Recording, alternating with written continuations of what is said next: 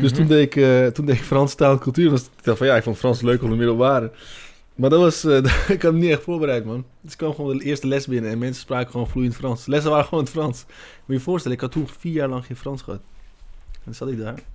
Dus je bent van business naar fysio naar Frans gegaan. Ja, man. En het leukste is, de laatste keer dat ik dus Frans sprak, was echt vier jaar daarvoor. En ik dacht van, oh, ik was vroeger goed erin. De eerste les begint, ze beginnen met bonjour en ze gaan helemaal los. Ik denk, yo, ik, ik had geen idee, man. Ik had me echt niet goed ingelezen. Dat is, twee keer heb ik dat gehad. You're listening to the Valley Podcast, your place for personal leadership, achieving your goals, and much more. Let's get started with the show.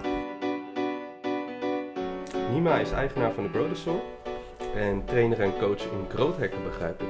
Ja. En de reden waarom ik Nima heb gevraagd is omdat hij inspirerend is op het gebied van doorzettingsvermogen. Maar hij weet ook nog goed bij zijn persoonlijke ik te blijven.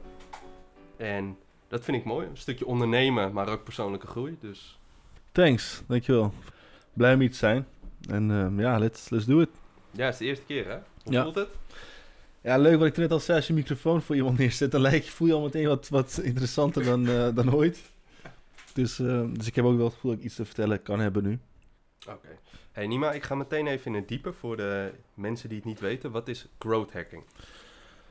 Uh, growth hacking, er is zelfs een, een, grap onder growth hackers. Dat als je mhm. familie bij, bij een barbecue aan je vraagt van wat is growth hacking, dat je gewoon liefst zegt van ik doe gewoon marketing. Omdat het wat lastiger uit te leggen is. Growth hacking, ik, ik ga het proberen en ik, eh, afhankelijk van jullie gezichtsreactie weet ik of ik goed bezig ben of niet. Voor mij is het nog nieuw, dus uh, oké. Okay. Vertel maar. mijn one-liner is het, is, het is marketing on steroids, maar het is, dat zegt nog steeds niet veel, tenzij je een beetje een eigen fantasie hebt van hoe dat, dat moet zijn. Maar traditioneel marketing is um, eigenlijk puur het, het, het uitzenden van berichten en interesse wekken mensen eventueel ergens heen krijgen. That's it. Dus stel je voor je bent een online marketeer. Nou, deed je advertenties op Facebook of Google. En that's it. Hoe de website dan uitziet, boeit jou verder niet. Hoe eventueel die klanten behouden worden daarna, boeit jou ook niet. Of ze inderdaad wat kopen. Je hebt je, deel, je, hebt je ding gedaan.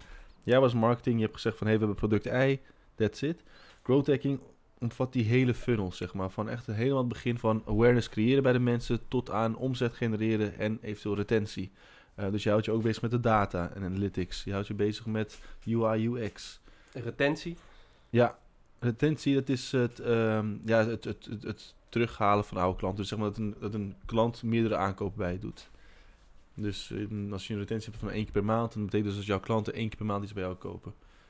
En het is natuurlijk ook veel voordeliger dan uh, steeds nieuwe klanten vinden. Ja, ongetwijfeld dat er genoeg mensen zijn die in de marketing iets willen starten. En dat vind ik ook zo interessant aan je studiekeuze. Uh, je hebt uiteindelijk entrepreneurship gedaan aan de VU als master. Um, van waar de keuze om naar growth hacking te gaan? Nou, dat is grappig. Ik heb uh, eigenlijk altijd gegrowth hacked, een beetje, nog voor ik wist wat het betekende. Zelfs vroeger, toen, uh, toen, toen die spelletjes kon branden, hadden we neven niks een soort van zolderkamer operation. Waarbij we zeg maar spelletjes branden en verkochten op de oude Xbox. Um, dat is echt way back, man. Dat is echt way back. maar zelfs toen, ik was toen echt 12 of iets. Maar ik had echt hele ideeën van wat we moesten doen en waar we moesten marketen, waar we berichten moesten neerzetten. En zelfs veranderen van zijn naam. Of gewoon buitenlandse naam. En geen enkele klant die we kregen. Ik zei op een gegeven moment zei van, yo, verander de naam, doe Peter de Boer. Ah, er kwamen gewoon serieus verzoeken binnen, jongen, links en rechts. Op een gegeven moment hadden we zelfs een nieuwsbrief. Gewoon één keer per week stuurden we gewoon dingen uit. Nou goed, lang verhaal kort. En gedurende mijn HBO- en WO-periode ook. Dan studeerde ik het een, maar was mijn interesse gewoon het ander. Toen zat ik ook van die online blogs, marketing te kijken, marketing tools meestal ontdekken. Maar goed, ik had geen website en niks waar ik kon doen. Dus terwijl ik daarna in consulting zat en uh, een beetje... Dus een vriend van mij die, die wist dit soort verhalen van mij al. En hij had zelf in de marketing gezeten. Toen zei hij op een gegeven moment tegen mij van ja, zoek even growth hacking op. Toen zocht ik op wat het was. Dacht van, oh, dat zijn gewoon al die dingen die ik gewoon interessant en leuk vind. En het is blijkbaar onder één paraplu. Is het gewoon growth hacking? Ik dacht van, oké, dan is dat voor mij. Dus het viel gewoon meer op zijn plek, zeg maar. Ik ging niet van voor ontdekken van is het van mij en, en, en van daaruit verder ontdekken. Het was meer van ik vind deze dingen allemaal leuk. Oh, het heeft blijkbaar een naam. Oh, het is ook nog eens hip en in. Alright, count me in. Dus eigenlijk deed ik het al. That makes sense. Ja. Snap je wat ik bedoel? Dus het had al iets in je. Het, gaf je al een spark. Ja, ik was er al mee bezig, ook onbewust of met dingen, dingen lezen en interesses opzoeken.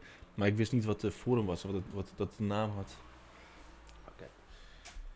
Eh, wat ik leuk aan dit verhaal vind, is omdat ik je al wat langer ken. En ik weet dat je een aantal ehm, studies hebt gevolgd.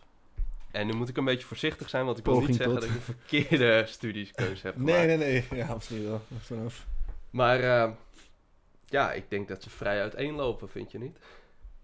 Ja, maar het, leukste is, they still make sense. Dat heb ik altijd. Als je het zeg maar als feit zo opnoemt, gewoon als- of op papier zou zien, zou je echt denken van wat is hier gebeurd in die paar jaar in diegene's leven. Maar ik heb eh, na mijn HAVO deed ik eh, International Business aan de hogeschool. En, en met D ik bedoel ik, ik was ingeschreven. ik, ik had een stufie.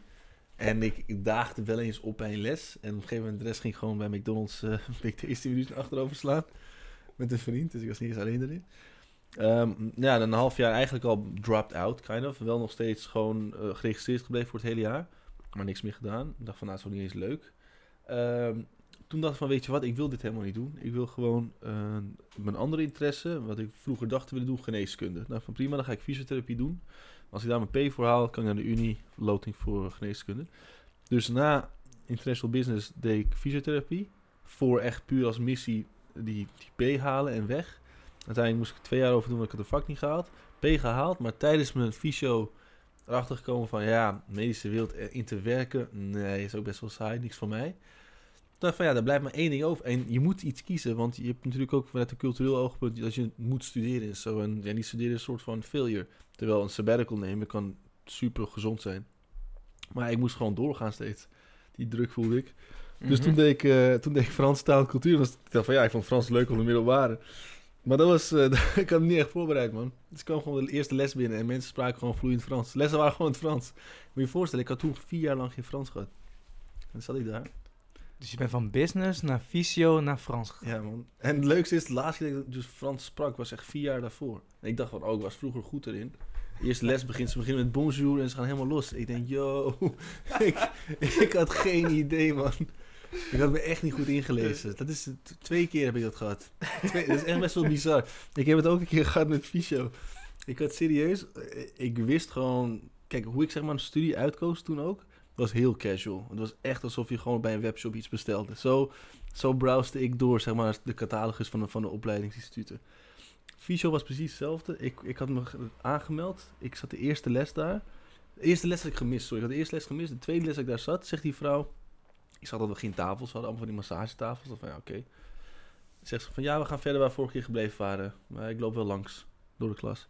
Ik zie mensen staan op, ze trekken hun kleren uit. Ik dacht, wat? En blijkbaar moest je gewoon, ja, ook logisch, het is fysiotherapie. Maar ik dacht, we gaan een jaar lang gewoon boeken krijgen en theorie over botten en spieren. Dus eh, dat geeft ook een beetje aan dat ik eh, best wel freestyle nog. Eh, geweldig, echt gewoon super tof om dit verhaal te horen. Ik ken jou nog in de periode dat je zoekende was. Dat mag Ja. ik wel netjes nu zeggen. Kijk, Ja, dat is je allemaal één zoektocht inderdaad Ja. geweest. Ja. je hebt een eigen bedrijf. Ik kan me nog herinneren dat je deur-to-deur verkoop hebt gedaan. Ja, dat, dat was. eh dus, dus, is- dus grappig. Sowieso was het echt een super down-ish period. Ik vind het woord depressed, ik nooit, nooit chill om te gebruiken, omdat het, ik, het wordt te makkelijk gebruikt. Dus het was in ieder geval niet mijn sterkste mentale periode. En ehm, ik weet, misschien is het ooit opgevallen, maar er is een, een, een soort van vacature in de krant, in Spits en Metro vroeger. En die was er altijd. Er was één bedrijf, interessante tekst van wil je zo en zoveel verdienen. Ehm, je kan naar het buitenland eventueel gaan. Dit is het nummer. En dat, dat, dat berichtje heb je in de loop der jaren zo vaak gezien. Op een gegeven moment, it just, it just hit. Als ik, weet je wat, ik ga gewoon kijken wat het is. I don't care. Ik moest ook een baan hebben, want ik moest gewoon de deur uit. Ik had geen opleiding. Na die, na die opleiding heb ik ook anderhalf, twee jaar geen opleiding gevolgd. Dan zou je een bijbaantje, maar als je die dan niet had, hè, dan lag je gewoon als een, als een no-job gewoon op, op, op, eh, op bed. Dus ik dacht van, ik moet gewoon get, get my ass out. Ik moet gewoon iets gaan doen. En toen heb ik dat gedaan, man. En dat is echt, jongen. het is een leuke ervaring, maar mijn god, dat is gewoon re- reject. Gewoon deuren dichtgesmeten krijgen. En, en het was in de winter, dus dat, qua, qua setting was het ook echt gewoon In de winter. Het was echt bamming, man. Ik had, er was één moment. er was één moment. Dat was echt zo'n filmscène. Ik had een jas. Knoop was stuk gegaan. Het sneeuwde, het waaide. Ik kon mijn jas niet dicht houden. Ik moest al urenlang lopen. En dat, op een gegeven moment kwam ik bij een deur aan en zo'n vrouw, en volgens mij was echt knetterstoned. Die chick ze was helemaal giechelen in deze deur open en ze hield de deur ook een beetje dicht. En ze zag me zo en ze had volgens mij medelijden. Dus ze zei, wacht even. Pakte zo'n veiligheidsspel, had mijn jas nog voor me gemaakt. Ben je niet? Nee, man. Eh, maar ze kon me gewoon niet zo wegsturen. Maar eh, het, het leert je wel, het is wel grappig om een keer echt dat letterlijk zo te doen, want het is toch best wel eng. En dat vond ik ook het leuke eraan. Ik had niet, ik had niet het gevoel van, oh, dit is even een makkelijk klusje wat ik ga doen. Ik had nog nooit bij mensen aangeklopt en aangebeld om, om ze over te overtuigen van iets. Voor een beeld van me, wat, wat verkocht je toen? Nou, dit ging om goede doelen, dus dat was wel... Goede doelen? Ja, dat, dat scheelde wel. Want ik zou echt niet een stofzuiger of zo willen verkopen bij iemand. Kom je daar? Wel, wel een uitdaging, man. Do you have problems with your carpet, man? Nee, dus dat soort, dat soort dingen zou ik niet, niet, niet kunnen, man. Maar het leert je wel, het leert je wel echt met, met af- wat meer nog zelfs met afwijzing om te gaan. De eerste paar deuren is het gewoon super en op een gegeven moment kik je er ook op. Ja, nee, het is heel raar, maar het geeft, want het is, maar het heeft te maken met, over het algemeen, vind ik, hè. Ehm, je, je, je, je pusht door een angst heen. Dus het maakt niet uit wat, wat voor context het is, maar dat geeft je genot. Het is niet dat je voor de rest van je leven op deuren wil kloppen. Maar het is van, ik heb het gedaan. Die angsten zijn irrationeel. Oké, je gaat niet dood. Cool. Dus je kan altijd terug refereren. Mocht je weer bang zijn voor iets anders wat soortgelijks is. Dan denk je van, oh, wil geen, geen business call plegen, bij wijze van spreken. Je gast die heeft bij wildvreemden in de winter op deuren geklopt terwijl ze niet wilden zien. Het is ook onderdeel van eh, business, toch? Ehm, het stukje afwijzing, denk ik, hè, maakt je ook Mhm. sterker in wie ben je nou eigenlijk, waar wil je heen? En je kan niet iedereen pleasen in de wereld. Ja. En des te meer you, you get out there en present yourself, des te meer je ook tegenkomt hoe jezelf, je persoonlijke ik is. Ja. Hoe zie je dit terugkomen in je eigen bedrijf eigenlijk? Of je eigen onderneming? Mijn, mijn logo, mijn bedrijfsnaam is een dinosaurus, zelf gemaakt. Mijn logo is een dinosaurus. Het komt in alles terug, man. Het hele speels. En dan vragen mensen waarom. Zeg, omdat het kan. Het, ik, voor, voor mij is vrijheid heel belangrijk. En ik geloof ook niet, eh, dat is ook hoe ik zeg maar leef met alles. Ik geloof ook dat. Ik pas mij niet aan, zeg maar. Dit heeft niks met, met, met normen en waarden te maken. Gewoon hè, de basics, you got it covered. Maar ik pas me verder niet aan aan bijvoorbeeld een bepaalde gang van zaken, omdat ze maar zo zijn. Of een bepaalde level van formaliteit, omdat het altijd zo moet geweest zijn. Ik geloof daar niet in. Omdat iedereen het steeds doet. Kijk, nu, beginnen, nu begin je bij wat meer corporates ook wat meer casual te mogen kleden. Vroeger was het not done. Ja, op een gegeven moment gaan mensen vragen stellen. Ik zeg, maar waarom dragen we echt vijf dagen in de week een pak en stropdas? Oké, stropdas mag af. Ehm, dus in mijn eigen onderneming doe ik de dingen die ik leuk vind. Ik behandel de- zeg maar, hoe, ik met, hoe ik met de klanten omga, zeg maar. Is, is gewoon hoe ik als vriend ook wil zijn. Tuurlijk, je moet ergens wel wat, wat een professionele lijn ook trekken. Maar ik, ik heb geen twee, twee modussen. Er zijn niet twee Nima's, zeg maar. Het is ieder geval Nima die treft tijdens dit en Nima die treft, treft tijdens dat. En het leukste is, als je daar trouw aan blijft, dan trek je ook gewoon mensen en situaties aan waar dat kan. Als je zelf, zeg maar, two-faced, om maar zo te zeggen, door het leven gaat, dan ga je ook wisselvallige dingen aantrekken. Want je bent beide. Je bent af en toe je dat, af en toe je dat. Dus dan komt dat ook op je pad. Nu is het meer van, nu herken je ook, zeg maar, zo'n misalignment. Als jij weet van, ik ben zo en zo en zo. Ehm, heb ik een keer ook gehad. Ik had, ik had tot best wel ver zat ik in gesprekken met de potentiële klant, in het buitenland zelfs. Maar de, de feeling was echt van, nee, dit is totaal niet, dit past niet in mijn levensstijl. En dan kan je ook makkelijk gewoon nee zeggen. Eh, het is heel interessant dat je dit zegt, want je doet me meteen denken aan een podcast die we hadden met eh Fardien. En die zei ook van eh, mensen die op me afkomen en die bijvoorbeeld iets hebben. En ik kom even niet op hoe die het omschreef, maar ik doe die shit niet. Daar kwam het op neer. Herken je dat ook? Dat je steeds beter gaat herkennen wat wel bij je past? Ja, ja, ja, ja, echt. Dat is echt, ehm, dat is een van de dingen die, die kan er niet omheen. En het is het leuk, kijk, het mooiste is, met iets, zelfs met die informatie, zelfs als je beter weet wat je wel en niet wilt, dat, dat is nog niet alles. Van dan is er nog het handelen daarnaar bijvoorbeeld. Dus stel je voor, hè, jij zegt van, ik vraag jou, Paddy, weet je waar je wel en niet mee in zee zou willen gaan bijvoorbeeld, of wat voor soort band of iets? Zeg je, ja, dat weet ik wel. Oké. En met wat je ook niet wilt. Nou, vervolgens zeg je van Paddy, ik heb hier een klusje voor je, zoveel duizend euro met zo'n type persoon waarmee je 1, 2, 3 niet per se in zee zou gaan. Dan ga je denken van, ja, op zich, het kan nu wel, weet je, ja, het is iets meer stress, maar... Dus het, nog steeds de uitdaging blijft wel, hoe trouw blijf je eraan? Dus eh, hoe sterk sta je erin? Want inderdaad, als je op een gegeven moment bedrag kan zien, dan zeg je van, oh, dat lijkt me best wel lachen. Of dat je gewoon eerlijk met jezelf kan zijn van... oké, dit, soort, dit soort dingen geeft mij meer hoofdpijn. Dus ik wil een hoofdpijnpremie bij van spreken. Je zegt van nou, voor zoveel zou ik het eventueel waard vinden. Of ik vind het helemaal niet waard. Daar ga ik vaak voor. Want je kan je mentale rust niet uitdrukken in geld. Dus dat heb ik wel heel vroeg al geleerd. Want ik heb, was daarin nooit gedreven door geld. Want ik heb juist ook gewoon van, van meer verdienen teruggegaan naar basics. En gewoon weer opnieuw studeren en zo. Weer van scratch moeten beginnen. Ehm, dus voor mij maakt dat nooit uit. Je wilt wel veel kunnen verdienen. Maar niet, dat is niet een vereiste, zeg maar, wat je, wat je gaat doen. Want anders, het, het ironische is, als je bijvoorbeeld weggaat uit een vaste baan of iets, of een, een industrie waar je niet wil zitten, om vervolgens iets voor jezelf te gaan doen, omdat je die vrijheid wilt. Maar dan ga je zelf jezelf runnen als zo'n toko waar je van weg bent gegaan. Dan ga je zelf hokjes geven en als een soort van mini-corporate jezelf runnen met, nou, dat moet je maar doen, ook al vind je het niet leuk. Dan heb je gewoon precies dezelfde, hetzelfde ongeluk, neem je dan weer mee, zeg maar. Je bent juist iets anders gaan doen, dus dan moet je daarin ook gewoon verder gaan met het anders zijn. Snap je wat ik bedoel? Ja, nou wil ik wel even terug naar je gaan op het stuk, je hebt het over mentaal en ook over geldtekort. Ja. Nou, we zijn hier alle drie studenten geweest. Eh, ik weet niet hoe het met jullie is, maar ik kan me nog herinneren dat ik 12 euro op mijn bankrekening had. En dat ik toch echt naar mijn moeder moest vragen van, joh, mag ik 50 euro alsjeblieft? Mhm. Dat heeft echt een effect op je mentale balans, mindset. Ja, ik heb iets anders. Ga door. Ik merk wel dat er een bepaalde grens is. Een bepaalde... Het hoeft niet veel geld te zijn. Nou, ik bedoel, we zijn hier in Amsterdam. Je hebt genoeg kosten. Hoe ga je daarmee om? Heb je een bepaalde minimumgrens? Wat ik zou willen verdienen, bedoel je? Of? Ja. Ja. Dus eigenlijk, wat ik, wat ik denk wat je bedoelt te zeggen is van, wat is nou een grens waar je gewoon mentale rust blijft houden? Of ruimte hebt om nog steeds andere dingen te doen. Eh, Ik geen getal te noemen hoor, maar Kijk, eh, ja, dat is, nee, maar dat is. Ik, je zou zelfs een getal kunnen proberen te noemen. Alleen het lastige hiermee is: het hangt echt af van waar je zit en woont en wat je situatie is. Kijk, zou ik nu in een relatie zitten en je, en je deelt huurprijs, boem, dan speel je weer een paar honderd euro vrij per maand met jezelfde inkomsten.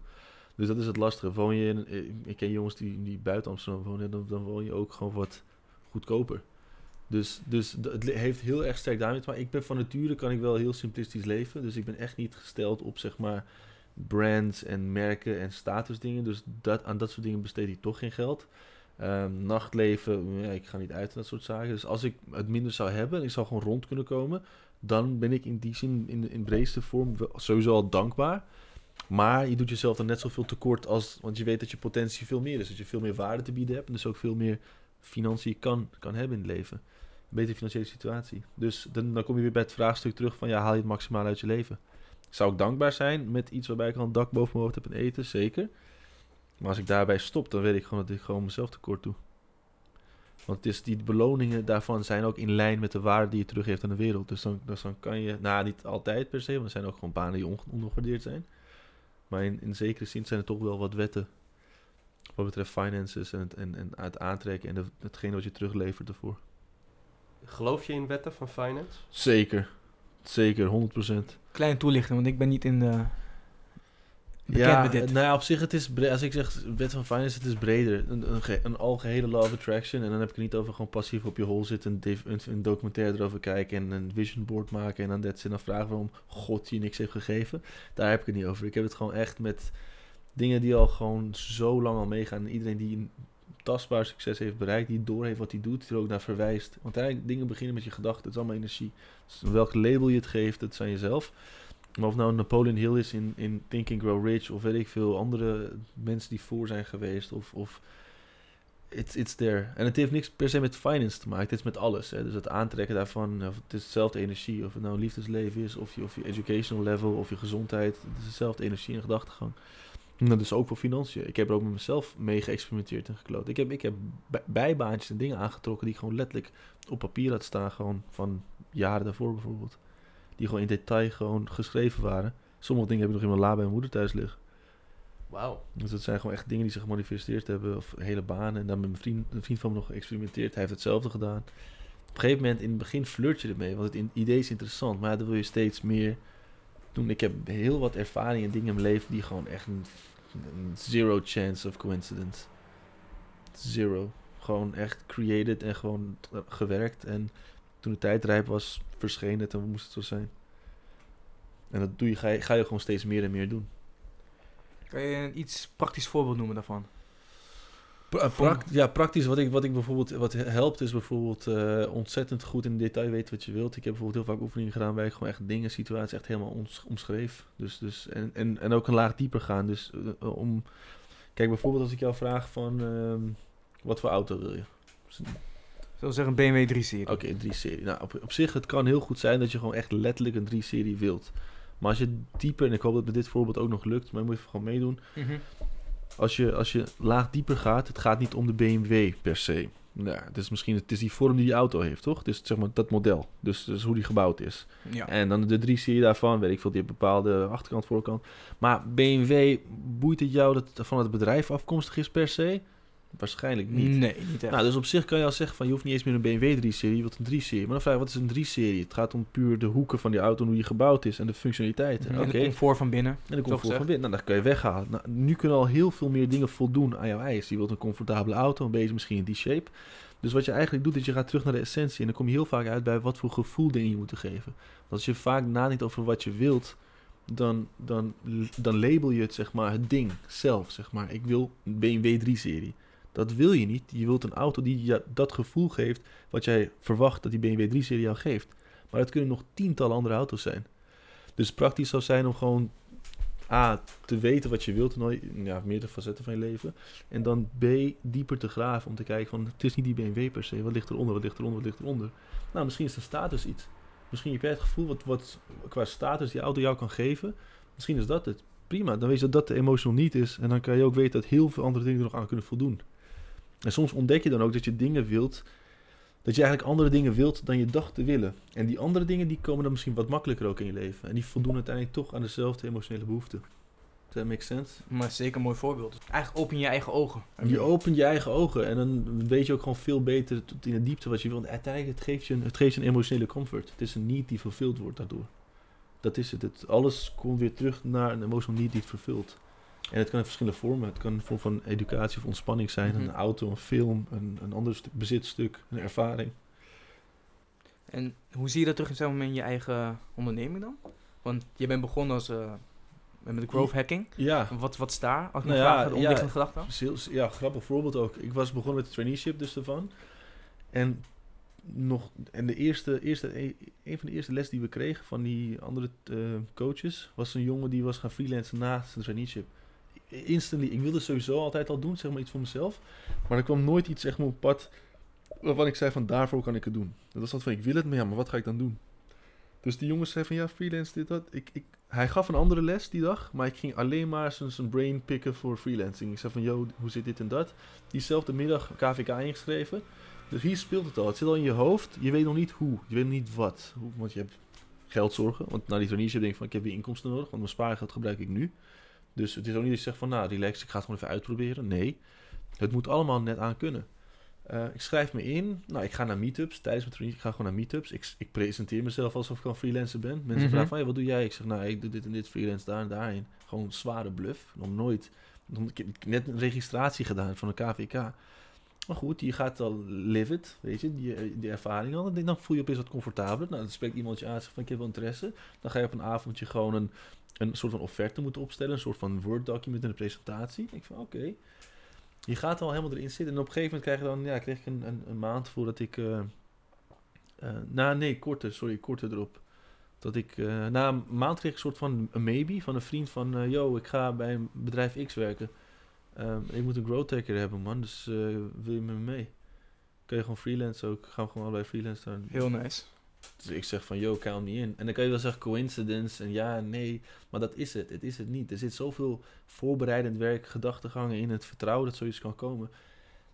It's not a coincidence. Ja, voor het eerst in bijna 30 jaar word je gevraagd, wil je meekomen gaan freelancen? Ja, tuurlijk. Maar Even helemaal terug naar het nulpunt. Eh, wat ik vanuit je verhaal vooral mooi vind, is hoe jij iets doet. En vervolgens je put yourself out there in the world. ja, dat is een belangrijk component. Je had ook kunnen zeggen van, ik ben nog niet klaar, ik zit thuis nog eh, alles mooi te maken. Maar je bent naar meetups gegaan. Je kan, je, weet je, kijk, dit is, dit is een, zelf, zelfs deze podcast, perfect voorbeeld. Daar, nou, de mensen kunnen niet zien waar ik wijs, maar daar liggen twee microfoons. Waarom? Ik wil podcasten. Hoe lang? Al een paar maanden. Doe ik het? Nee, nog steeds niet. Maar het begon wel met één microfoon aanschaffen, een tweede, met jou erover praten. En nu zit ik hier als gast en neem ik een podcast op. Dit zijn allemaal bouwstenen die uiteindelijk zeg maar hun bijdrage gaan leveren in de bigger picture. Het is straks geen toeval als ik misschien nu zo'n interface heb gezien. Dan denk ik van, oh oké, het is gewoon op zich makkelijk. Je koppelt het eraan en, en what- whatever not. Dit zijn stappen. Je hoeft niet altijd meteen een gigantische stap te nemen. Just put yourself out there. Want er komt dan weer iets terug, zeg maar. En dat geeft je weer net genoeg kickstart energie van... Oké, we doen het. Als je me een paar maanden geleden gezegd... niet meer wil je podcast opnemen, zei ik misschien nee. Nu is het van 1 plus 1 is 2. En dit... Oh, alright, let's do it. One step at a time. One step at a time. En soms kan je meerdere steps doen, maar als, als dat niet kan, ja, dan doe je gewoon die ene. Meer dan prima. Want er komt voor elke stap die jij zet, zeg maar, is ook een toenadering in de vorm van een toevalligheid, een, een informatie, iets wat jouw kant op komt of, of whatnot. Dus het wordt zeg maar altijd, ja, het is een wisselwerking. Jouw manier van denken geeft, als, ik zo over nadenk, best wel veel mentale rust. Want ik kan begrijpen mensen die net beginnen met ondernemen of willen ondernemen. Als ze meteen die stress hebben van, hoe ga ik dit doen? Wat moet ik doen? En, of, of het gaat veel te langzaam zelfs voor hun gevoel. Maar als, je, als die gasten zoals, of die mensen zoals jou zouden denken, de bigger picture, dan zien ze echt die bouwstenen wat er gebeurt constant. Waardoor de progressie nog steeds er is, eigenlijk. Ja, ja, ik denk, ja, ik moet wel zeggen, het, het is gewoon omdat ik, ja, ook met st- stoic filosofie, zeg maar, bezig ben geweest, omdat je toch een bepaalde houvast in iets wilde. Het, het helpt. Het breidt het uit van nature ook relatief eigenlijk een kalm iemand geweest. Eh, betekent niet dat je geen stress ervaart of zo. Je hebt het nog wel, maar je, je plaatst dingen ja, meer op een stoic manier, toch Mhm. in perspectief. Ja, what's the worst? Je gaat uiteindelijk dood.